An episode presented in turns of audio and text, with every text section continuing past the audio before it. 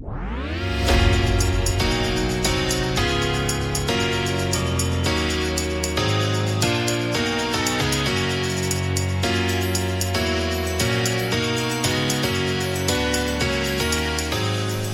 är ni välkomna till Bladets handbollspodd med Johan Flink i sin VM-stuga. Eh, har du spikat för alla fönster och ljudisolerat? Så bara, bara tv-ljudet från handbollen hörs, eller hur sa?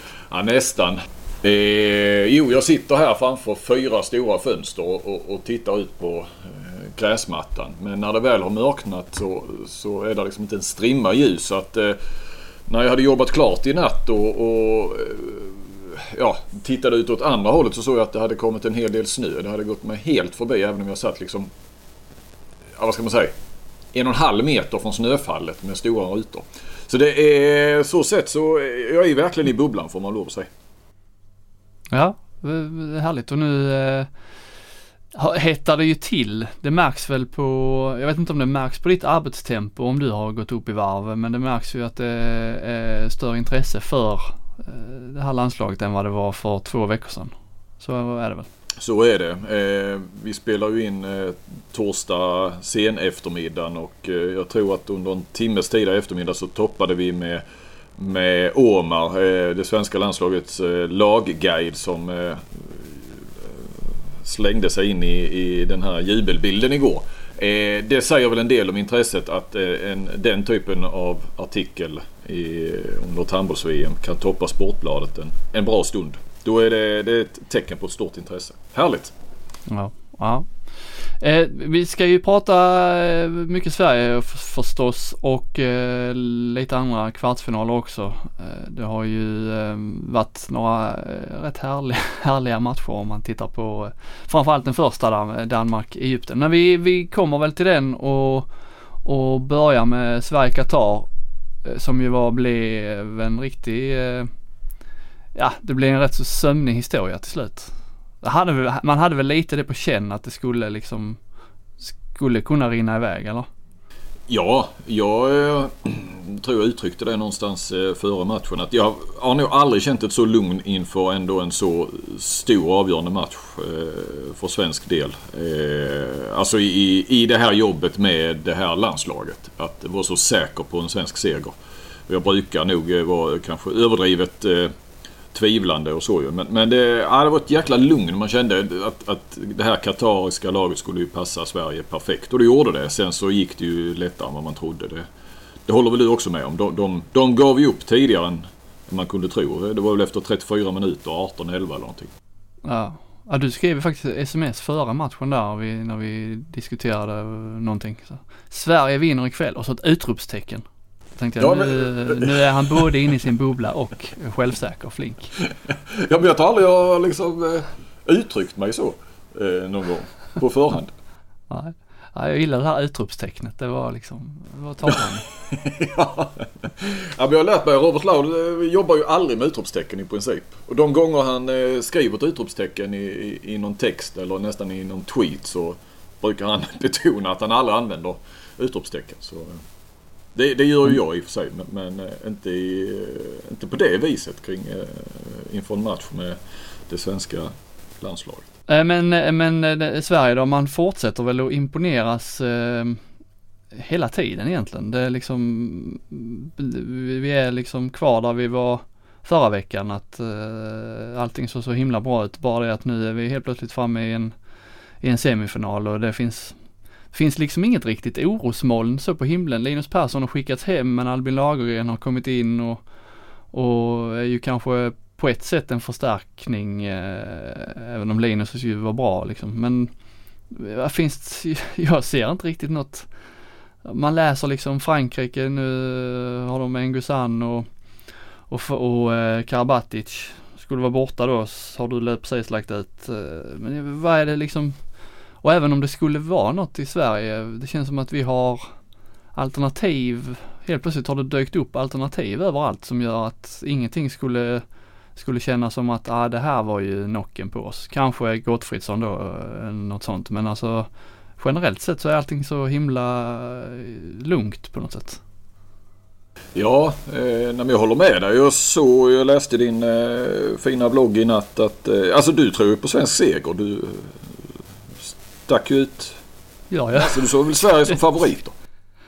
Ja, ja, eh, jo, ibland glömmer man vad man skriver där och så vaknar man upp nästa morgon och så har man en helt annan åsikt.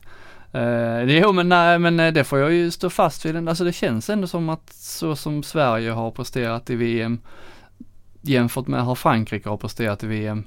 De slog Norge men sen har de liksom med nöd och näppe kravlat sig fram till det här läget på något sätt. Det kändes ju som att Ungern skulle bli en mumsbit för dem men eh, så förlängning där och jag bytte ju lite eh, när Sverige sprang ifrån där i sin kvartsfinal så, så bytte vi lite på, på jobbet och, och så Frankrike och Alltså Ungern ledde ju stort i början, sen Frankrike förbi då tänkte man ja nu löser de det här ganska enkelt. Ledde med tre mål i slutminuterna. Så kladdar man där, tapp, tappar och jag tycker inte de imponerar heller. De kör, körde med Mem, Dicka Mem och, och um, vad heter han, Remeli på båda två spelade samtidigt. Remeli som någon mittnia där.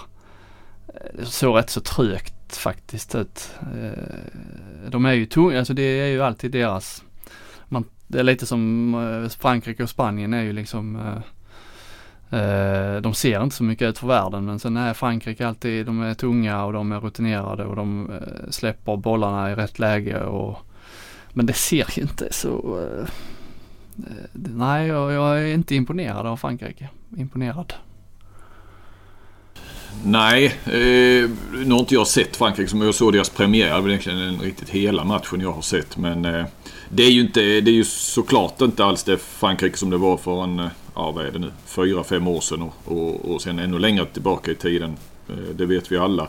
Samtidigt har de ju ändå, efter att underpresterat så i ett par mästerskap så, det är väl två mästerskap va? Ja, det får man väl då säga. Framförallt i, i, i Sveriges EM senast ju, men även VM 19.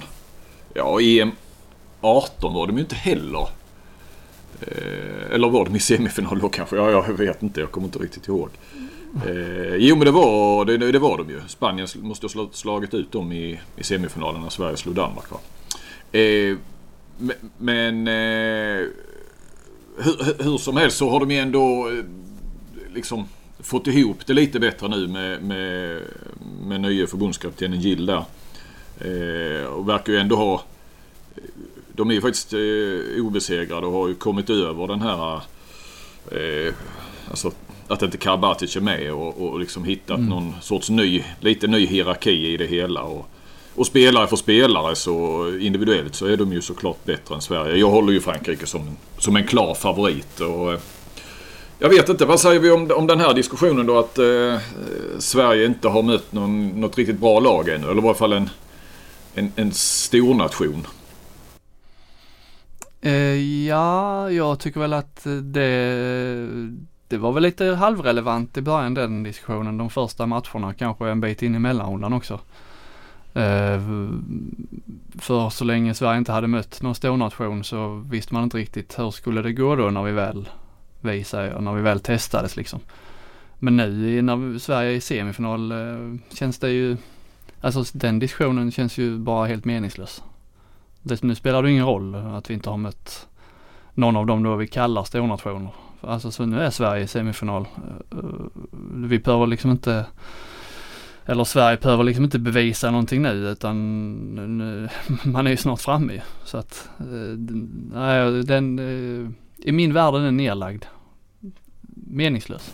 Ja, ja, ja. Du är inne på Palikas eh, spår där. Eh, jag, eh, måste nämna också att Palika han är oerhört eh, defensiv, eller vad man ska säga. Han går i försvarsställning i, till nästan varenda fråga. Eh, och jag, alltså han i varje fall när jag ställer frågorna. Eh, så, så misstänker... Ja, det kanske är det som är problemet. Ja, men det är så han, han försöker ju då. Det, ju, det ju, finns ju de som alltid försöker göra det då. Räkna ut vad det är jag är ute efter istället för att...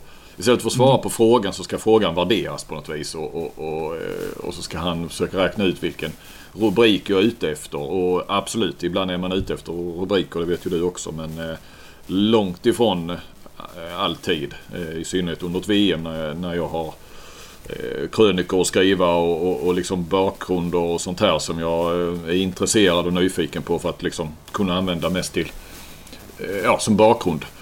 Så är det inte alltid rubrik. Men han, han ser ju det så hela tiden och det, det blir lite kul där.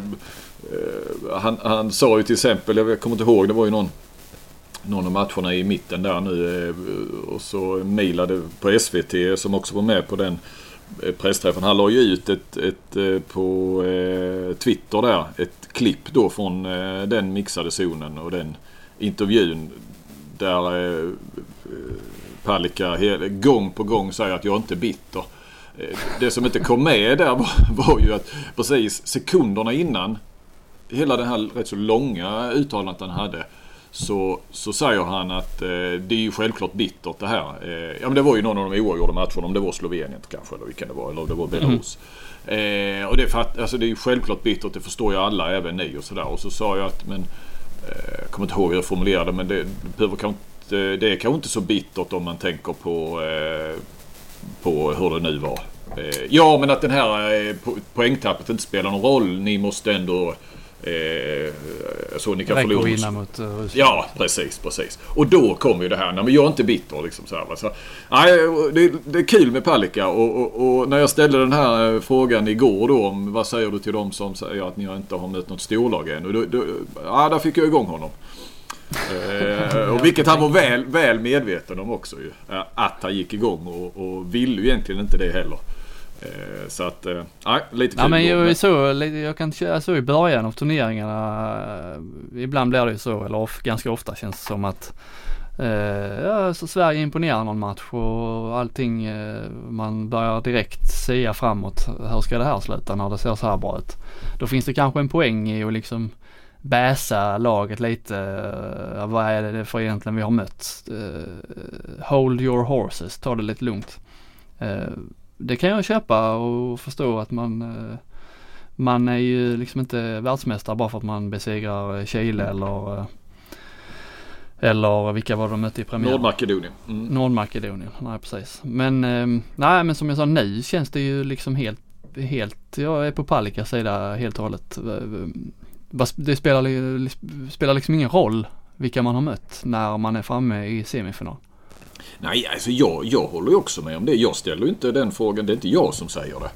Eh, men jag vet ju bara att, jag menar Ola Wenström tog ju upp det igår i, i, i TV i slutet av sändningen till exempel. Och att, att det finns den. Jag, sen kan inte jag peka på den eller den eller hitta några eh, liksom, skriftliga bevis för det. Men, men, ja, men det finns lite så undertoner ibland. Eh, ja, det finns det ju. Och jag är helt uh, säker på att jag skulle kunna hitta internationella kollegor i, i den här branschen som, som har skrivit så också. Eller antytt det rätt tydligt och sådär. Så att det... Nej, Eh, men eh, som sagt, Sverige mötte Qatar som var med och slog ut eh, Kroatien till exempel. För Kroatien skulle väl räknats in som, som det till exempel. Och, och då har det snackats mm. om att den andra halvan är tuffare då med Spanien, Norge och, och Danmark. Och, ja, det är ju visst, tittar man historiskt de senaste 10 åren, 15 åren vilka länder som har varit där uppe så har vi ju oftast tre av de eh, länderna i semifinal. Eh, Kroatien, Frankrike, Spanien, Danmark och Norge de senaste fyra åren, fem åren. Mm. Eh, men Sverige har absolut ingenting att be om ursäkt för. Jag, jag, jag håller helt med. Och, men vi var ju inne på detta redan i, i förra podden var det väl just att vad, vad, vad ska krävas för att vi ska... Det var väl du som sa det att, att Jaha, är det först i en semifinal man kan värdera Sverige för att de då förmodligen stöter på ett, ett eh, ja, en stormakt? Ja men vi sa det, det går ju alltid att hitta Mm. Du, skulle, även om Sverige skulle slå Frankrike så är man på det humöret så skulle man ju alltid kunna säga att Frankrike ja. är inte riktigt är kvar i toppen längre. De har tappat mycket. De har inte Karabatic och nu hade de lite skador med. Så att eh, Eh, jag kan ju redan nu hitta på, Sp på Spanien att de är gamla och, och inte hänger med i, i, Sveriges tempo längre. Och, och Danmark eh, likaså Hansen kanske inte är så bra som man eh, en gång, alltså det, det finns ju alltid mm. sådana. Mm. Du skulle kunna. Men det, det, det, eh, jag, måste, mm. Jag vill bara sticka in där om man... Det, det här eh, svenska mästerskapet har jämförts mycket med VM 2017 då när Andersson har tagit över. Och det var också den här eh, frejdiga handbollen och, och, och rätt mycket nytt lag. Där får man ju lov att säga att där hade de ju oturen att stöta på Frankrike på sin hemmaplan redan i kvartsfinalen. Eh, Ja. så, som ju var bäst i, i VM. Och, och, och när Narciss och, och alla de här gick för ett, ett sista guld på, på hemmaplan. Mm. Eh, det kan man ju säga att... att eh, Jo, alltså vägen fram till semifinal har ju varit, såklart varit mer eh, gynnsam än den vägen Norge fick till exempel. ja, Men det råder ju inte i mina ögon några tvivel om att Sverige är i en semifinal för att man förtjänar, för att man har varit ett av de fyra bästa lagen. ja De, och så har, som... de, har liksom, de slog i liksom Egypten som Danmark hade enorma problem. Ja men inget lag har slått eh, Egypten på ordinarie tid i detta VM förutom Sverige. Eh, Nej. och, det har ju varit så övertygande hela tiden också. Det var väl den där dippen mot Vitryssland. Det såg dåligt ut i, i 15 minuter. Men det är ju liksom sättet man också har eh, spelat på. Det har ju varit så otroligt övertygande så att... Nej, man ska ju verkligen såklart inte be, be om ursäkt för... Om man tittar nu de senaste, eh, vi sen förra veckan så var ju fortfarande målvaktsspelet lite frågetecken. Men man har ju verkligen sett nu när, när eh, Palicka har kommit igång här de två senaste matcherna så har det varit eh, liksom enorma siffror. Hade, hade han varit på samma, haft, haft den formen tidigare så hade man kanske sett ännu större, då hade man kanske sett segrar mot, mot Belarus och, och Slovenien också. Så att eh, det har ju, även om Sverige, man tyckte att de imponerade tidigt i turneringen så bevisligen har det liksom funnits mer att, att plocka ut om man tittar på prestationen mot Qatar och, och mot Ryssland. Det var mot Ryssland samma där, man kan ju säga Ryssland var eh, dåliga och Qatar var dåliga men, men eh, det var ju rejäla överkörningar alltså båda två. Och det är matcher som betydde allt för Ryssland och kvartsfinalen mot Qatar liksom. Mm. Vem är du mest imponerad av i VM? I Sverige? Ah, det får väl ändå bli Karlsbogård tror jag. Ja, för han var Eh. helt, eh, det var ett blankt papper. Ja. Eh, I alla fall i mina ögon. Ja, det, ja, och jag kan ju inte säga och det om man nu ska vara någon sorts handbolls eller någon sorts, man är handbollsreporter. Ja, alltså även i, när han var i, i elitserien så var det inte så att Alltså han dominerade ju inte och jag, alltså RIK, ja du vet ju hur, hur jag, jag eh, jobbar ju framförallt när det är ju när det blir slutspel som som jag går lite mer all in på, på handbollen för att det finns, eh, mina chefer låter inte mig eh, kolla. Ka- eh, Kasa runt i handbollshallarna. Nej precis, eller ens lägga tid på det på eh, arbetskvällar och då ska man sitta på lediga kvällar och titta i serielok i, handbollsligan. Ja, jag kan vara jätteintresserad av handboll men, men det, det finns ju ett liv också utanför jobbet. Eh, så, så jag menar det, det var ju ingen sådär som man tyckte dominerade i handbollsligan och nu vet jag att då kommer jag ju få, eh, få de här handbollshipsterna på mig nu att... Eh, Nej men dominerade, det, jag- det håller jag med dig om. Men det var väl liksom ingen som eh, ja, men han har ju, mer än nej, någon han annan har- bra nej, spelare i handbollsligan. Nej, han har ju ingen, eh, han har ju ingen superegenskap. Så som man brukar, superkraft eller vad är det man kallar idag. Alltså Alfred Jönsson Nej. var ju en sån som man, liksom ändå på ett annat vis. Och dessutom har ju då Karlsbogård inte varit, ja han har ju varit ung en gång också. Han också, men, men inte, slog inte igenom så tidigt och, och så va. Och jag menar, han har ju inte gjort en enda, han har inte varit aktuell för något U-landslag eller juniorlandslag eller aktuell kanske. Men han har inte gjort en enda sån landskamp så att eh, Han har, han har lite samma egenskaper som eh, som jag vet att vi har pratat om med Albin Lagergren, eh, Micke Nilsson egenskaper som Mm. liksom anpassar sig till eh, nivån han är på och hela tiden eh, alltså lyfter sig själv. Så att han eh, blir bra vilka han än möter ja, och vilket lag Och- han än spelar. Och, och det är ju, och visst sen att han... Och det är ju faktiskt den första, eller förra säsongen var det framförallt som han fick, fick ett lyft i Lemgo. Eh, man kan ju undra varför, han, eh, varför inte Christian Andersson eh, tog med honom. Men, men det fanns ju... Det fanns ju andra vänsternior då. Eh, och absolut, man kan diskutera ändå om Karlsborgård. Och det är så lätt i efterhand eh, nu. Eh, det var väl ingen som, som sa ens direkt efter EM att Karlsborg, Karlsborgård, som hade varit så bra då i Bundesliga, han blev väl i och för sig, sin, sin bästa period hade han ju faktiskt förra våren efter EM. Men att han skulle varit med, det var ju ingen som sa. Men nu är det ju lätt att säga det va. Men, men, men det är olika sätt lite grann att, att bygga upp nästan ett lag på. Allt lades ju i händerna på Kim Ekdahl och Rie. Det var väl varenda start och, och det här skulle gå igenom honom i, i EM senast. Mm. Men, men eh, måste ju ge cred till, till Solberg och Bokvist som eh, ändå har sett vad de har sett hos Karlsborgård och ge honom det här otroligt stora eh, förtroendet. Eh, utan att han i princip, han har spelat en landskamp i, då i höstas innan VM. Och, och sen och så, såklart all credit till Karlsborgård som, som har eh, tagit verkligen den chansen. Och, ja men det här att han inte har en enda utvisning. Nu glömde jag, han fick ingen igår heller va? Eh, tror inte det. Det tar jag inte gift på. Nej. Eh, men eh, en snabb ja, jag... koll säger att han inte... Nej, han har fortfarande nej. inte någon. Eh, ja, alltså, ja, kan prata jättemycket om Karlsborg. Mitt svar på din fråga är ju Karlsborgård. Det får man ju lov att säga. Har du problem att skriva hans efternamn? Nej. Nej. Jag okay. tänker på det varje gång. Det blir alltid Karlsbrogård. Okej. Okay. Ja, vi, har, vi har väl pratat om det förr. Man har sina sådana ja. eh, landslaget. Ibland går det för, rätt ofta för snabbt för mig så det blir... De bokstäverna hamnar lite på fel, fel ställe. Ja, men jag får liksom sitta och sudda varje gång jag skriver hans namn. Ja, ja. Smälter in ett R. Sudda? Ja, vad heter det? Ja, ja radera eller ja. Mm. Men ja. suddar du på i din, i din dator? Jo men eh. just det här, det är faktiskt det du är inne på där med att allt skulle gå igenom Kim Ekdahl Det jag funderar på nu är om man hade suttit i ehm, Frankrikes eh, kläder nu och, och gått igenom videogenomgångar. Vad hade man tryckt på då för att liksom stoppa Sverige? För att jag då, nu mina, eh, liksom man har ju lite amatörögon så. Men eh, jag kan liksom inte se någon sån tydlig, vi har ju inga stjärnor så högt upp i skytteligan. Nej. Eh, Vanne öste inte på lika mycket igår. Eh, liksom det finns ju inga, inga spelare som man sätter all in. Ja, Gottfridsson möjligtvis då. Eh, men jag menar där har det kommit in andra som har, när han inte har haft, när han har blivit bortplockad eller haft en dålig dag. Så jag vet inte, har, eh, hur hade du tänkt som fransk förbundskapten?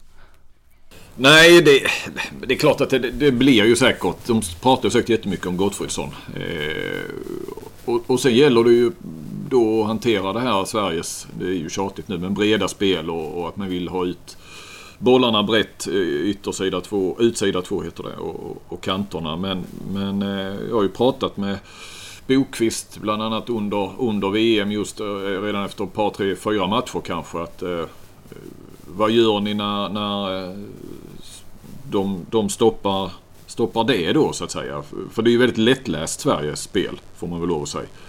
Eh, men då menade han att ja, men skulle de göra det då, då, då måste de försvara sig jäkligt brett och då, då blir det ju luckor centralt. Alltså det, ja, mm. det är ju logiskt. Eh, det går ju alltid att säga eh, vi låter dem ta skott från 9 meter. Mm. Eh, men det är lättare kanske att säga än att genomföra fullt ut. Ja. För det är väl där Sverige, så skulle man hamna i ett läge där motståndarförsvaret helt plötsligt, det känns som att de är en man mer där bak så att man inte hittar luckor någonstans. Mm. Och man måste hela tiden ta skott. Det är väl där någonstans det, det skulle kunna ta stopp. Och det är det man är lite orolig för eh, Frankrikes försvar som man eh, liksom genom åren har fått en sån respekt för. Ja, jo men det, det, och det har jag tänkt också hela. Var, var finns den här andra dimensionen och den, den eh, den eh, liksom alternativet eller vad man ska säga. Och det, det har ju inte Sverige för de har ju inte ens fått en chans att eh, träna in något alternativ eller så. Och, och, de har ju inte spelat, alltså de har ju som sagt, jag hade nog kunnat liksom och, och tror i framtiden att till exempel Simon Jeppsson nog skulle kunna ha en, en vara en sån här rollspelare, alltså kanske bara spela 3-4 minuter eller 10 minuter i vissa matcher. Eh, 7 mot 6 och, och, när det behövs lite skytte för att det ska... När det andra har kört fast. Eh, mm. det, den, eh, den dimensionen har ju inte Sverige men det har ju räckt än så länge och Karlsborg har ju inget dåligt skott. Jävlar vad han... Man har blivit eh, eh, glädjande, Ja, av, avstämda är ju frukt, det ser ju fruktansvärt hårt ut. Vi vet ju inte hur hårt det är. För det, ibland kommer det väl upp sån här skotthastighet. Men det är inte som i EM där, där varje skott mäts. Klas Helgen var ju, blev ju själaglad eh, för någon match sedan när de kom in på de avstämda, avstämda skotten att de hade gjort comeback i handbollen. Ja, och det får ja. man ju verkligen säga att är det något, eh, nu var det han som sa det va, men när man har tänkt på det så bara ja det är ju vilken skillnad det är eh, avstämda skott kontra hoppskott jämfört med för 5-6 år sedan. Det är ju Eh, men Mikkel Hansen hoppar knappt och skjuter längre. Jim Gottfridsson hoppar aldrig och skjuter. Karlsborg skjuter helst från marken ser det som. Mm. Eh, det är de här, ja nu hade ju Qatar, har ju sina, de hoppar ju och skjuter. Men just de här avstämda skotten har ju, han hade hittat något där Helgen tycker jag. De, de har gjort en eh, comeback. Mm. Det är väl omöjligt att hitta en statistik på det men det har varit intressant att kolla. Alltså så sett över ett helt mästerskap. Eh, men det där ja. bokförs ju inte om det är avstämt eller, eller hoppskott. Men på tal om hoppskott, såg du den jag retweetade Thomas Röide tror jag som hade ett, ett klipp på Gomes i Portugal. Hans... Eh, ah, det är bara att hålla med. Jag vet inte vad han skrev där. Biomekanik, eh, teknik, allt. Alltså det skulle gå till världshistorien. Alltså det, det är det mest avslappnade stenhårda hoppskottet från 9 meter, från 9-10 meter kanske. Som jag har sett. Ja. Alltså just... Det känns som... Jag håller med det, det, Alltså det är ju... Aldrig sett en så avslappnad eh, rörelse till någonting som liksom ändå kräver så mycket kraft. Nej, det var riktigt... Eh, det var eh, något i hästväg det. Ja. Ja, det var, det var häftigt. Men det, det är bara jag som har svarat på frågan. Vem, vem är du mest överraskad över själv? Um, Karlsbogård? Nej men kanske ändå äh, inte någon av de här, ja Karlsbogård det är ju egentligen han man är mest imponerad av. Äh, ja, Eller överraskad över ja. ja. Ja precis men. Eller du var imponerad var kanske frågan. Ja imponerad var nog frågan. Men, äh, ja, men som Felix Klar var jag rätt osäker på hur han skulle fungera på mot de här försvaren och så. Jag har inte sett honom så mycket i Kolding eh, heller. Nej. Eh, de, han är ju Champions Spelar han ju inte men... där så att det är inte så mycket konstigt att du har sett honom där. Uh, nej. Ålborg. Uh, Fan du har slått på Kolding och ska se honom hela hösten. det är därför jag inte har sett honom. ja, precis. Ja. Uh, ja, nej men jag tycker han uh, har ju varit... Det klipper du inte bort hur du. Nej, jag klipper nej. aldrig bort. Nej, det är bra. Nej, det är bra. Det är ju sånt som kommer Nej, men... med i Agnetas nyårskarameller sen. Agneta Sjödins. Mm. Jag vet inte vad jag får kolla Vi har pratat mycket med Sivertsson och Schäfert här nu i Kristianstad HK de senaste dagarna. Ja, Kanske där. det är, det är därför. Kanske därifrån det kommer. Ja, säkert. Nej men Felix Klar i alla fall tycker jag eh, är jag eh, inte superöverraskad men ändå lite överraskad och imponerad mm. hur han har. Det är inte helt lätt heller att ha de rollerna som han och Alfred Jönsson har och sitta mycket på bänk i början av mästerskapet och mycket på bänk i varje match egentligen och ändå komma in och för de har ju varit bra alltid när de har kommit in. Mm. Ja, alltså, ja verkligen. Just att anpassa sig snabbt till matchbilden och ja, det, det eh, Alfred har ju imponerat såklart men faktiskt klar också och varit eh, bättre än jag eh, kanske vågade hoppas på faktiskt. Och sen är man ju, även om man eh, liksom förstått och läst mer än sett hur, vilken otrolig form Vanne har varit i så, så kan man inte låta bli ändå att, att... Eh, och visst, det är mycket kontringsmål och så här spelar brett så det blir mycket kantmål. Men det är ju bra procent ändå. Eh, och det är straffar och så. Men, men eh, ändå den nivån han ligger på. Eh, och den utdelningen han har. Vi kommer inte ihåg vilken match. Det var ju någon, någon där han tog ju, alltså någon av de jämna matcherna. Han tog ett par stycken ur riktigt dåligt läge. Var ju tvingad till det mer eller mindre. Mm. Och satte dem. Eh, någonstans har ju nu med Palicka här sista två matcherna så, så har ju han, det har ju, på förhand var ju Palicka, Gottfridsson och Vanne, det var ju stjärnorna egentligen. De, liksom etablerade sett till eh, klubbadress och så också. Och de har ju också verkligen levererat. Mm. Uh, ja, uh, du, ska vi, ska vi, um, vi fick ju någon fråga där på Twitter som jag tyckte var väldigt uh, halvkul. Mm. Uh, kan, som också kommer, är intressant redan nu men kommer att bli intressant eh, framförallt lite senare. Alltså i det här laget nu, där är ju rätt många som har tackat nej eller eh, Andreas Nilsson eh, tackar inte nej men som inte är med här. Eh, vilka av de här spelarna som nu inte är med skulle kunna ta sig in här för det har ju blivit, måste ju ha blivit lite svårare helt plötsligt. Det är inte så att de som nu har tackat nej eh, bara ringer till Glenn och nu är jag med igen och blir uttagna direkt. Det, Nej, för, det, blir först, ju en, det blir ju en eh, intressant situation. Ja. Nästa. Ja, som är OS-kvalet i mitten på mars. Oerhört viktigt OS-kval. Jag, jag tjatar ju alltid om det men, men att ta sig till ett OS är ju så jäkla viktigt för ett handbollslandslag. Eh, nu kan man ju i och för sig kanske lägga ner allt vad uppladdningar heter när det går så här bra utan att man tränar ihop eh, för, en, för ett mästerskap. Men att få, att gå till ett OS och få en hel sommar är ju eh, oerhört viktigt. Eh, för, ett, för ett landslag. Inte minst ett så här nytt landslag. Så det skulle göra dem oerhört gott. Eh, och för övrigt nu så, om vi tänker för ett år sedan efter EM. Sverige hade gjort fiasko eh, och, det stund, och man skulle möta Tyskland, Slovenien och Algeriet. Jag tänker nu framförallt på Tyskland, Slovenien i Tyskland. Någon månad senare med eh, ny förbundskapten. Och Slovenien hade precis varit i EM-semifinal. Då trodde inte jag på, på ett svenskt OS-deltagande. Sen sköts det ju upp, som tur var får man väl lov att säga då, för, i varje fall för, för Solberg och, och landslaget. Så, Men nu- nu försvinner du här med hela jämna mellanrum. Har du Oj, nej jag har inte gjort någonting. Nej. Ja nu är du tillbaka igen. Ja. Ja. det hackade där. Ska jag ta om det lite grann? Med, Jag, jag gör, tar och backa 10-15 sekunder. Ja, Om, om ja, jag ihåg. Ja, det är inte lätt.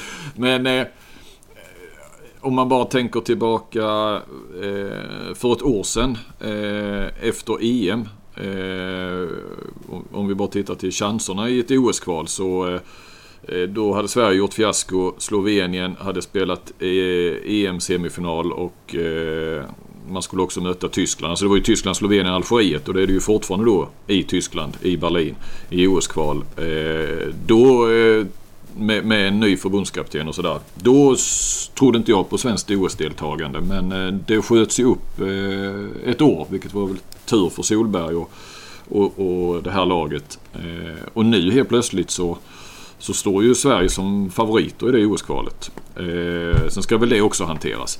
Men det om det. Eh, innan vi går in på vilka som skulle kunna gå in i det här laget av de som inte är här så ska vi också komma ihåg det kommer ju bli en diskussion. Folk tycker garanterat redan nu, alltså folk i handbolls-Sverige. Ska de ens få möjligheten att vara med? Eh, ska de ens få frågan? Om, eller om de nu hör av sig och säger att de vill. Är det, ja, är det ens en fråga om de ska vara med? Överhuvudtaget. Eller ja.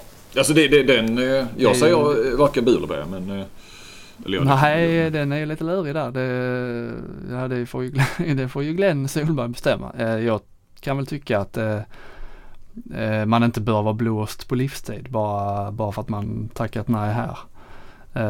Men ja, jag tycker att frågan ska ställas till de som inte var med nu. Men jag tycker också att, och det tror jag såklart Solberg har, man ska väl ha det här i beaktning att de tackar nej nu, de som kom in har gjort det liksom allihopa har gjort det extremt bra. Det, det ska ju vara lite svårare att ta sig tillbaka. Eh, Och det, alltså, jag tycker kanske inte att själva nej tack på grund av pandemi eller andra orsaker ska vara avgörande i den frågan.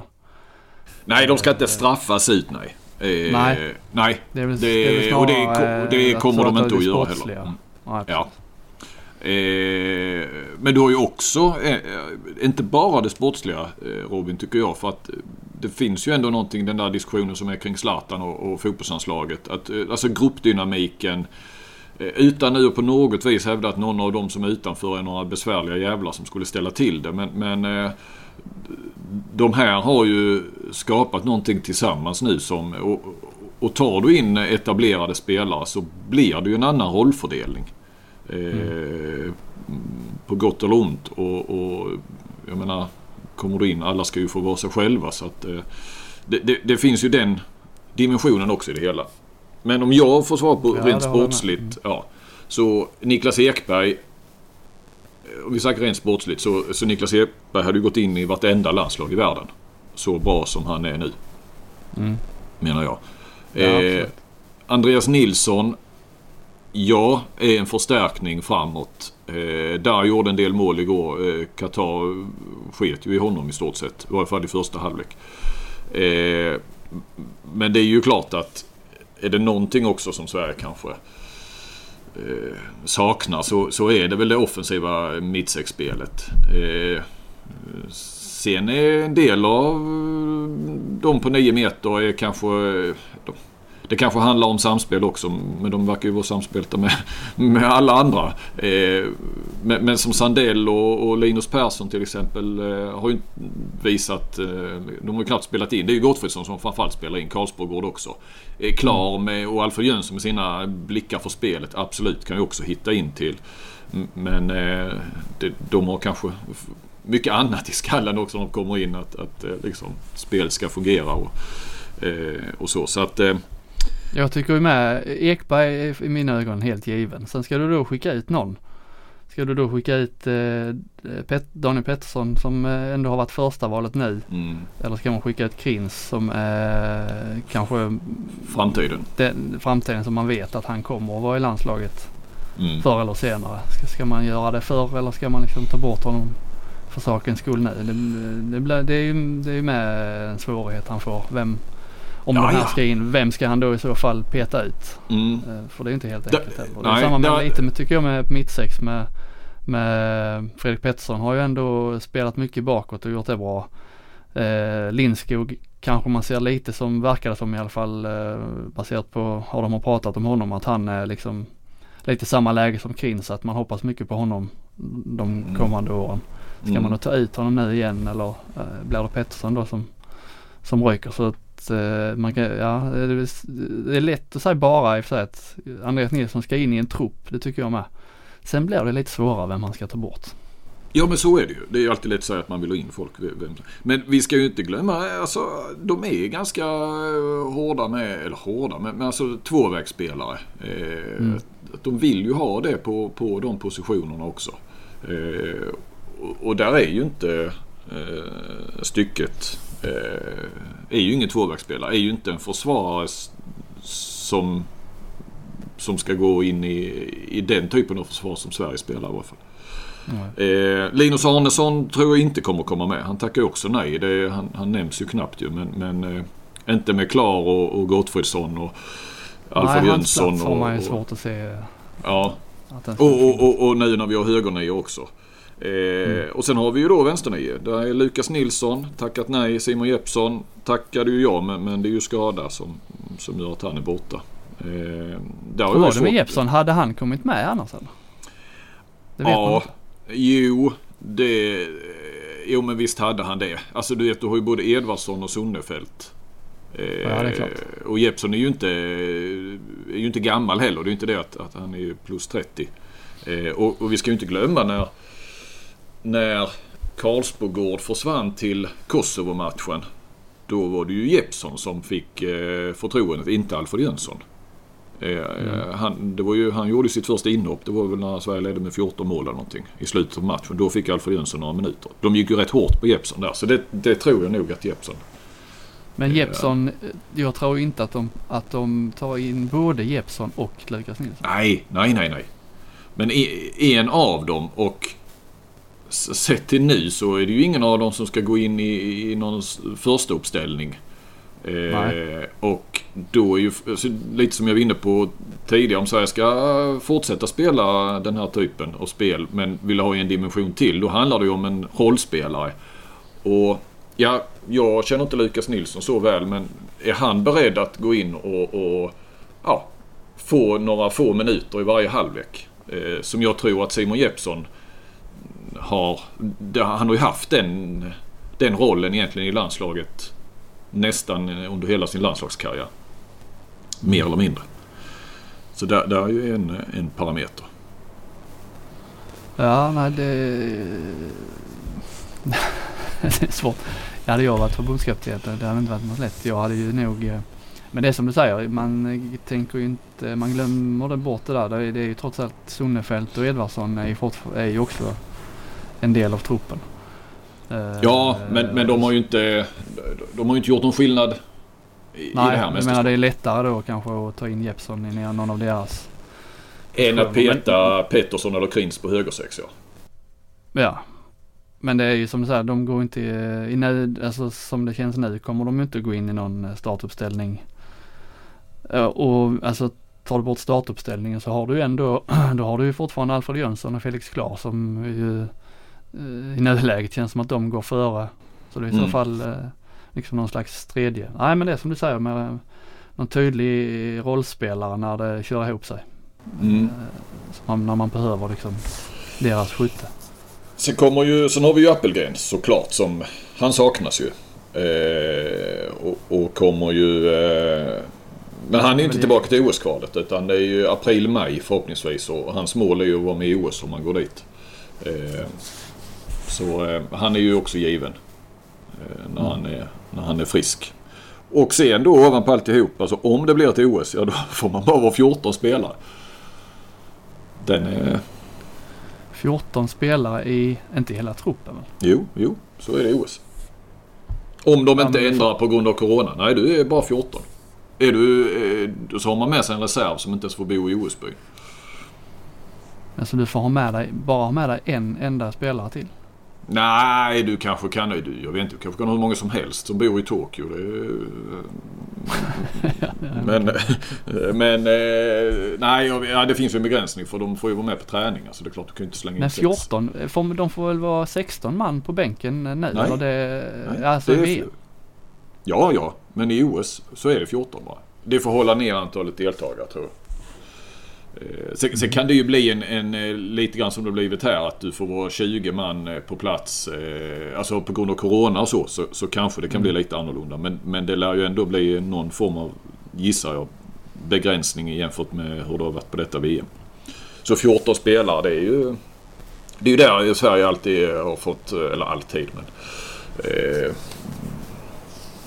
att man har åkt med egentligen, eller haft en kantspel, alltså en högersexa. Mm, till exempel. Mm. Nu var ju Ek, det var ju det som var frågan Ja, inför Rio. Då gick ju Ekberg sönder så att då blev det ju Zacke naturligt. Ja. Men eh, frågan var. Och sen har vi ju Ja, då... är Eh, förlåt bara. eh, Eh, Spännande. Du ska vi... eh, Ja men bara till OS-kvalet bara. Jag måste bara säga också, vi ska ju inte glömma att Linus en frisk Linus Persson och en frisk Lagergren. Det har, ju, har vi ju inte sett ännu tillsammans. Nej. Och då är det, ju- det är tufft för Lukas Sandell. Men i min värld det går ju Lagergren och, och Linus Persson först där va. Så, att, så det finns ju... eh, Det kommer säkert nya skador men eh, det kan ju mycket väl bli ett starkare lag till OS-kvalet än vad vi ser nu. På pappret i varje fall.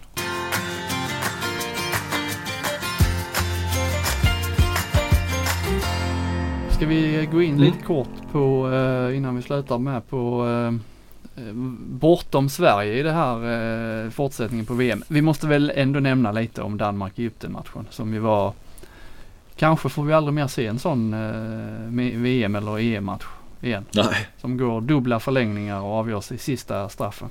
Ja, nej det var ju galet och alla domslut och så. Vi får väl aldrig se en bättre domarinsats heller kanske? Eller vad säger du? Nej, det var verkligen imponerande. Mm. Och frågan är ju bara hur... att de, eh, att de hade Ja. stor hjälp av videogranskningen. Eh, Jag tar, tar tillbaka lite, det, det hade de ju såklart men eh, alltså det var ju vad var det nu? Det var 80 minuters spel och jag reagerade inte på ett enda domslut som Nej. skulle vara eh, fel.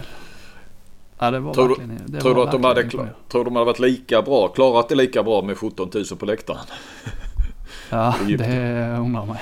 Ja, nej det är ju hypotetiskt. Men eh, det kvittar för det, det har ju inte varit eh, publik på, på någon match och vi har ju sett eh, överlag bra domarinsatser. Det har vi varit inne på, på i tidigare avsnitt. Men eh, det här var det här var bra. Ja, vad säger vi om det? Ja, Ja men det var ju, man, Egypten hade ju så många chanser i förlängningen. De ledde med en boll och liksom hade chans Mm. på chans och, och punktera matchen och ta ledningen med två där. Eh, Danmark gjorde väl inte ett mål i den sista förlängnings, eh, där, två gånger fem. De gjorde inte ett enda mål förrän den sista straffen. Nej, nej precis. Det, speltid. mm. Men Norge, eller Egypten liksom, det var, det, man satt man håller lite på Egypten. Av någon. Alltså man är ju Ja. underdog så Und- satt man ja. och, och höll på dem. Det, det gjorde man ju. Mm. Och han hade chans gång på gång på gång och Landin räddade och de kladdade bort det. Och, ja, det var liksom lite halvfrustrerande och sen bara det, alla de här Mikkel Hansens eh, lite, lite, han, han börjar ju med att vara osportslig. Han är ju, dra- är ju liksom armen uppe. Han ska ju bara spela hem matchen. Osportslig slash smart. Och så gör han någon slags, jag vet inte, det blir liksom värre. Han passar i kanten men det, i och med att han gör en sån där Mm. lobbpass så ser det nästan ut som att han eh, ska, är på väg att dra upp bollen på läktaren. Mm. Bara så dumt istället för bara skjuter. Han Mm. har ändå hyfsad koll på klockan. Även om det är fem sekunder kvar så hinner de ju aldrig, om han drar iväg ett skott så hinner det inte bli någonting mer. Men så gör han då detta då, eh, kan det vara en sekund efter att domaren har blåst. Ja, Han det gör är inte ens det- en sekund. Han gör inte det ju- med flit liksom. Men Nej, det, det är ju ändå, han gör ju det för sent. Men eh, all, eh, armrörelsen är liksom redan igång och, och Ja. färdig. Så det är svårt att stoppa men det får ju sådana, eh, hade ju kunnat få enorma konsekvenser. Nu fick det ju stora konsekvenser men Mm. inte helt liksom VM-avgörande. Ja och sen eh, Egyptens sista hjärnsläpp där när, eh, det är mer sån lite som Hansen att man förstår att man är, de är uppe i varv och det är ett sista frikast som han vill liksom bara täcka och man och han eh, Gitzel håller i bollen och man liksom när då försvararen är så stirrig så blir det att man tar något steg fram. Ja, Men han ångrar ju sig på, på vägen fram för han höjer han tar ju inte ens hjälp av armarna ju. Alltså han tar ju det där steget fram och kan inte stoppa sig själv. Han får liksom Eh. övervikt. Han får övervikt. Han var ju lite överviktig med så han nästan ut. Men, men ja, precis va. Så han inser ju nog rätt så. eh, Men liksom bara, ah, nu är jag för nära. Han tar inte upp några armar men ah, så blir det ju lite. Jag vet inte men jag. Jag tänker ju att. Fortfarande är det väl så att alla de som är på VM nästan, till och med Walter Krins och de allra yngsta, har ju inte vuxit upp med den här regeln att eh, sista minuten var det väl förr nu eh, för några år sedan och nu är det sista halvminuten. Alltså konsekvensen. Att man inte, man har inte riktigt det inpräntat. Det sitter inte i ryggmärgen. Man kan Nej. ju det om man blir frågad i lugn och ro. Men just där och då så tänker man inte på vad det här kan innebära. Nej men har man då som han, eh, jag vet inte ens vem det var av dem. Var det Mamdou som gick fram där? Ja, jo. Nej, Mamdou var ju felaktiga bytet. Jag skrev Ja, det var det. Men jag har glömt Ja, det. ja. Det var ju försvars... En liksom som bara spelar bakåt. Ja, men har man då i, i, i spelat handboll i 20 år och liksom kunnat gå fram och göra så som man kunde fram till för, vad är det, 4-5 år sedan. Eh, Utan att det blir någon mer konsekvens än att det blir ett nytt frikast eller, eller blir frikast eller så, så jag kan förstå det och jag, jag hoppas och tror kanske att, att eh, de som ja, de som är ungdomar idag då, alltså eh, neråt 10-15 som växer upp med det. Eh, nu är det ju sällan en, en fråga för eh, liksom, i ungdomshandbollen. Men, men man har det med sig innan man kommer in i junioråldern och så. Så eh, kanske man eh, kommer att vara kyligare i de lägena. För man, det, det sitter i ryggmärgen att inte göra någonting sånt sista halvminuten. Men det är inte lätt alltså i den... Eh, jag menar, det är ett hemma-VM. Deras mål är att gå till final och vinna guld. Och de är på väg ut. Eh, och, eh, ja, Nej, det... Men de, det var ju liksom inga, det var ju inga större protester. Alltså om det var några, alltså, det var väl inga protester över- överhuvudtaget.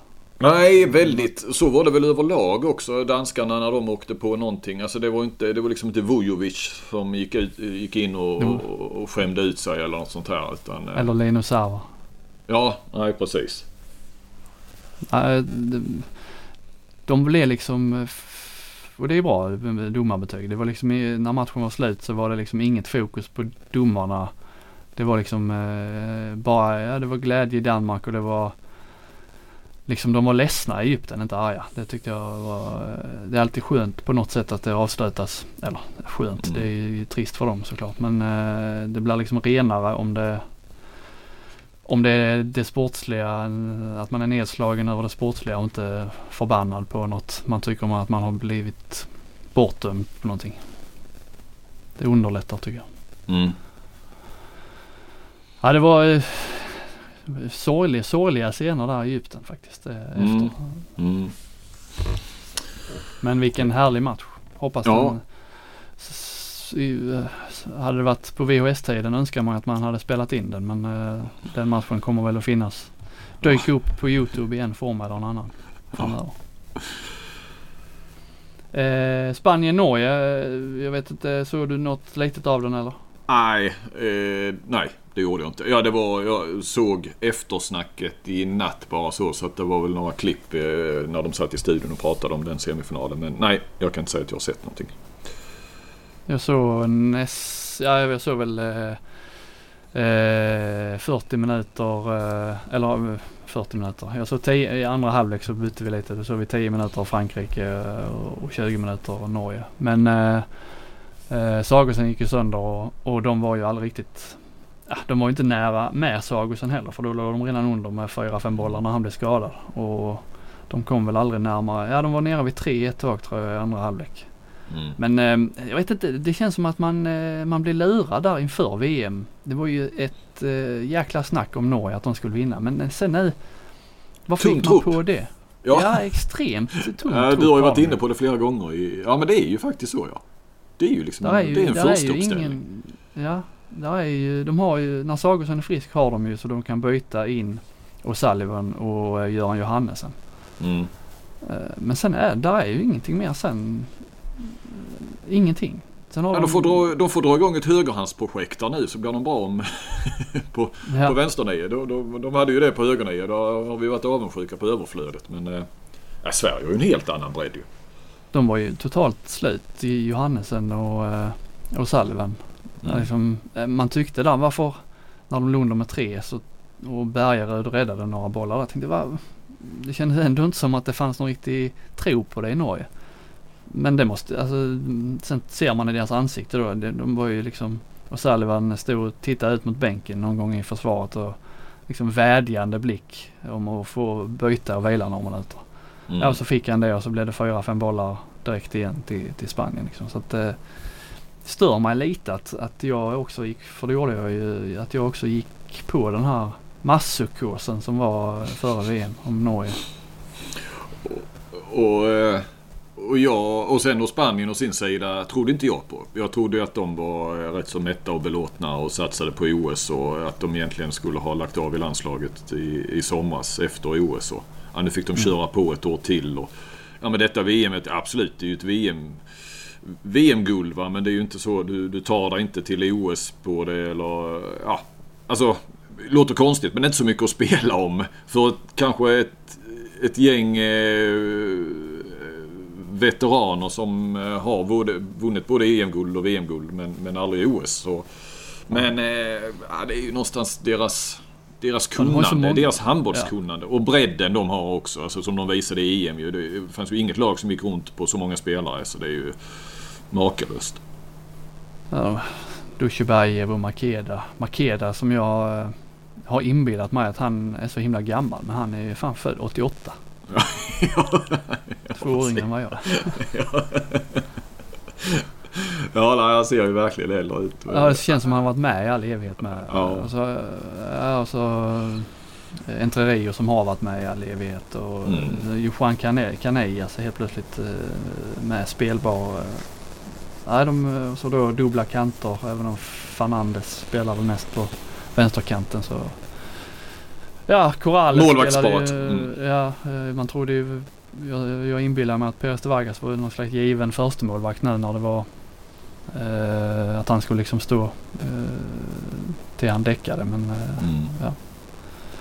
Har de ju det också. Så att Spanien, eh, ja det var ju inte, det var ju egentligen aldrig nära att Norge skulle, skulle bli något annat. Sen kanterna där, eh, Jöndal ska sluta. Björnsen var ju så, när han hade lämnat Kristianstad och första säsongen, andra säsongen där i Wetzlar så var ju han eh, ett eh, hett namn liksom så i handbolls-Europa. Han har med, känns som att hans, det har falnat kring honom också. Mm. Inte alls den målproduktionen längre som det, och inte alls den säkerheten heller som det var för, för något år sedan.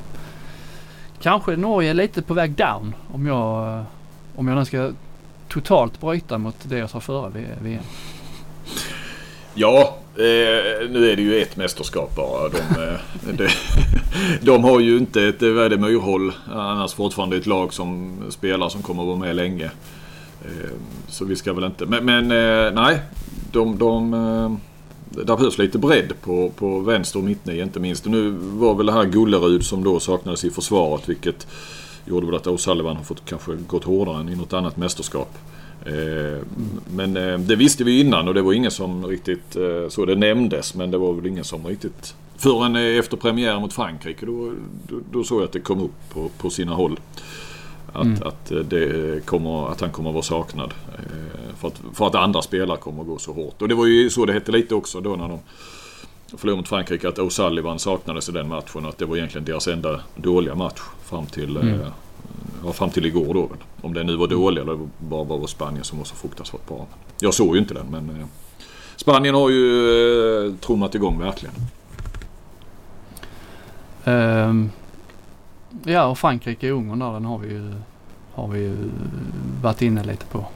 Uh, svårt att man kan, tycker alltid det är svårt att säga med Frankrike eh, om de gör, har gjort tio dåliga matcher så innebär inte det att uh, den elfte också är dålig. För man vet aldrig riktigt. Sen får de en träff och så är allting kul och så ser de helt plötsligt ut som världsmästare.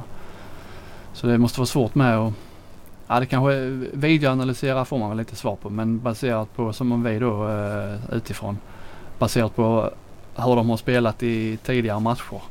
Tycker det säger egentligen ingenting om hur de kommer att prestera mot Sverige. Nej.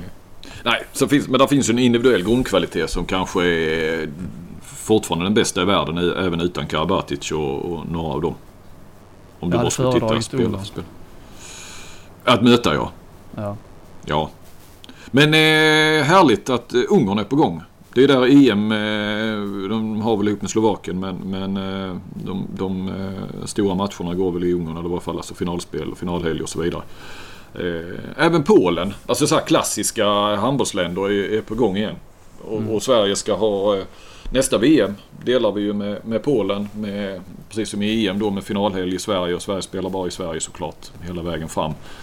Eh, är också kul och jag menar oavsett hur det går nu om det här slutar med en fjärdeplats så så är det ju framtiden också. Det, är, det här är ju ett framtidslag och, och, och vi har OS-kval och då förhoppningsvis OS och hemma-VM att se fram emot. Det är ju eh, det, är det som det är inte liksom, det är inte bara detta mästerskapet och sen är det eh, tack och adjö för en hel generation utan eh, det finns ju många fina år framöver. Mm. Mm. Uh, ja, då är det mm, fredag kväll, tidiga matchen 17.30. Sverige-Frankrike. Ja, man är laddad nu Flink. Ja, ja verkligen. Och nu är det sådär skön känsla igen. Det, eller ja, jag hade ju skön känsla inför Qatar också men, men eh, alltså det är ju så här. Det är ju allt att vinna. Ingen press på Sverige. De älskar ju det läget. Mm. Eh, och de kommer ju sälja sig oerhört dyrt, det, det vet vi. Får vi se om eh, Glenn Solberg står och myser med Ola Lindgren eh, i, efter, inte, eh, efter matcherna.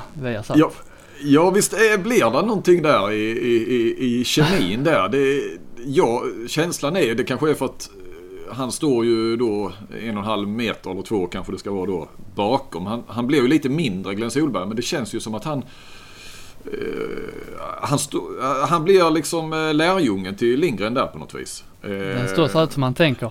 Nu ska det bli kul att se vad Ola säger om det här. Ja. ja. Står han där och myser bara. Ja, och sen har det ju gått bra så det har ju liksom inte, han vet ju att det kommer ju ingen eh, kritik heller. Han behöver inte vara orolig utan det kommer ju eh, cred och hyllningar och så ju. Men, mm. men eh, ja, det finns någonting där som, och just det här, han står gärna kvar och lyssnar på dem också och, och ser väldigt nöjd ut. Mm.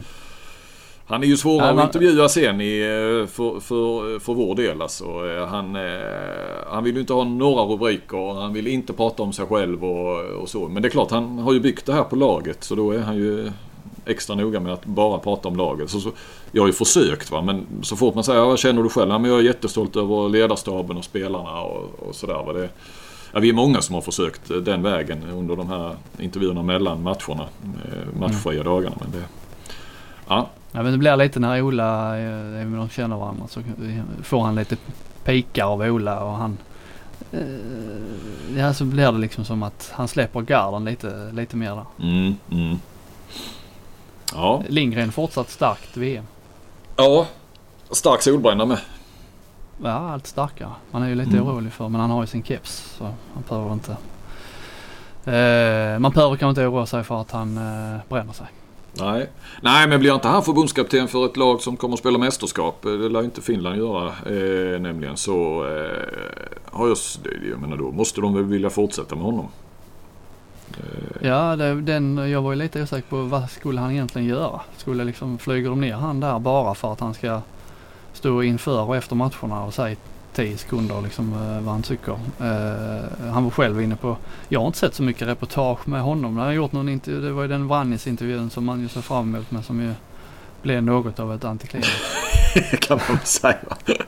Han intervjuar Parondo också och så ju. Men eh, jag, vet, jag tror att, att de har inte fått röra sig utanför hotellet. Så, så det är klart reportage och, och så ju. Annars hade det ju varit guld värt när han har bott i Kairo och, och lite så. Att kunna göra de här riktiga reportagen. Det har de ju tyvärr inte kunnat göra. Men han har ju ändå fått en större roll än, än eh, kanske man trodde. Ja, och, men, och sen också att eh, det insåg man inte innan men eh, det borde man ju såklart. Det är ju i de här korta insticken, det är ju där han är som allra starkast. Mm. Han har ju en förmåga att få fram all info, alltså kort och lättförståeligt. Lite så, han hu- har ju alltid hyllats för sina timeouter. Det är ju lite samma, Mm. hans, han har ju, han, eh, han har ju sina timeouter i, i sändningen också kan man ju säga. Vad som behöver ändras och han är ju Mm. bra på det att få fram sitt budskap på, eh, på ett kort och effektivt sätt. Så att det, det är ju, den rollen passar ju honom perfekt ju. Men, Sen har även- du- eh, men, men det hade ju varit kul att se honom liksom i, i studion också. Eh, I, i Frändesjös roll. Ja, men eh, det kanske också har varit bra, bra för Lindgren att de har suttit i Stockholm och han har varit ensam där nere och inte eh, liksom blivit en, en tredje expert. Där har de ju tagit in Andersson lite överraskande mycket. Jag trodde det var en kväll eller möjligtvis två, men det har väl varit tre va? I Mm. varje fall. Eh, tycker han eh, överraskade faktiskt lite. Eh, tyckte ju till lite grann på vissa saker Christian. Det, jag menar, det, han har ju varit som Solberg annars som förbundskapten. Vill ju absolut inte prata i rubriker eller eh, tycka så mycket om någonting. Nej. Men du hade kanske låga förväntningar då? Om du tycker Ja, ja, ja, ja, jo, jo. vi ska inte överdriva. Det, det, nej, han är fortfarande försiktig. Nej men han hade lite glimt i ögat där. Wenström sätter ju det och var rätt bra på att Mm. trycka på rätt knappar. Gissar. Ja, men var det inte med Karlsborg där också? Det var ju han som fick, fick honom sparkad från eh, Rein Eckerlöven genom två... eh, Karlsborg var väl helt suverän när Rein Eckerlöven mötte Lemgo tror jag. det var ju ett par det matcher. det. Och plus att han då inte hade tagit ut Karlsborg i, i, eh, i EM. Gjorde han ju inte då och sådär. Så att, Ja, nej, vi, eh, vi fortsätter att lyssna på eh, Frändesjö också i studion eh, som ju är intressant. Som någon skrev på Twitter. Bekymrat initierad. Det var, tycker jag var en bra beskrivning ja.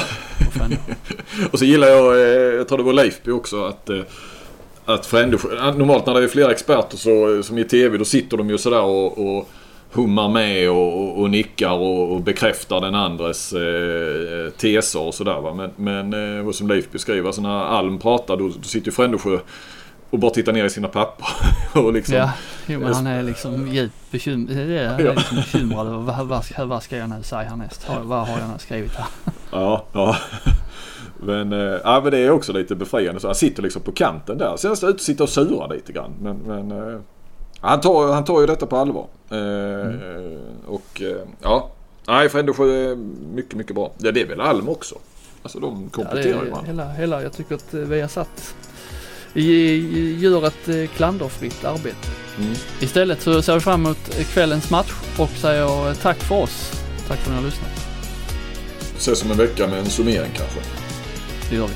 Det gör vi. Ha det bra. Hej!